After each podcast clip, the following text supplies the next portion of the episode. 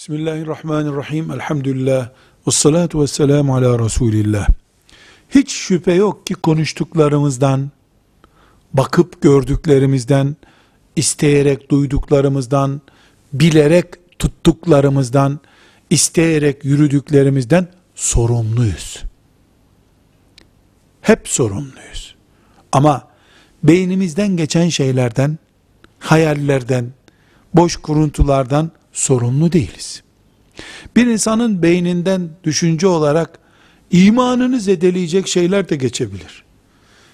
Diliyle bunu söylemedikten sonra, eliyle eyleme dönüştürmedikten sonra, gözüne talimat verip o kötülükle ilgili şeyleri izlemeye başlamadıktan sonra, sırf beyninden düşündü diye bir insan düşüncelerinden dolayı sorumlu olmaz.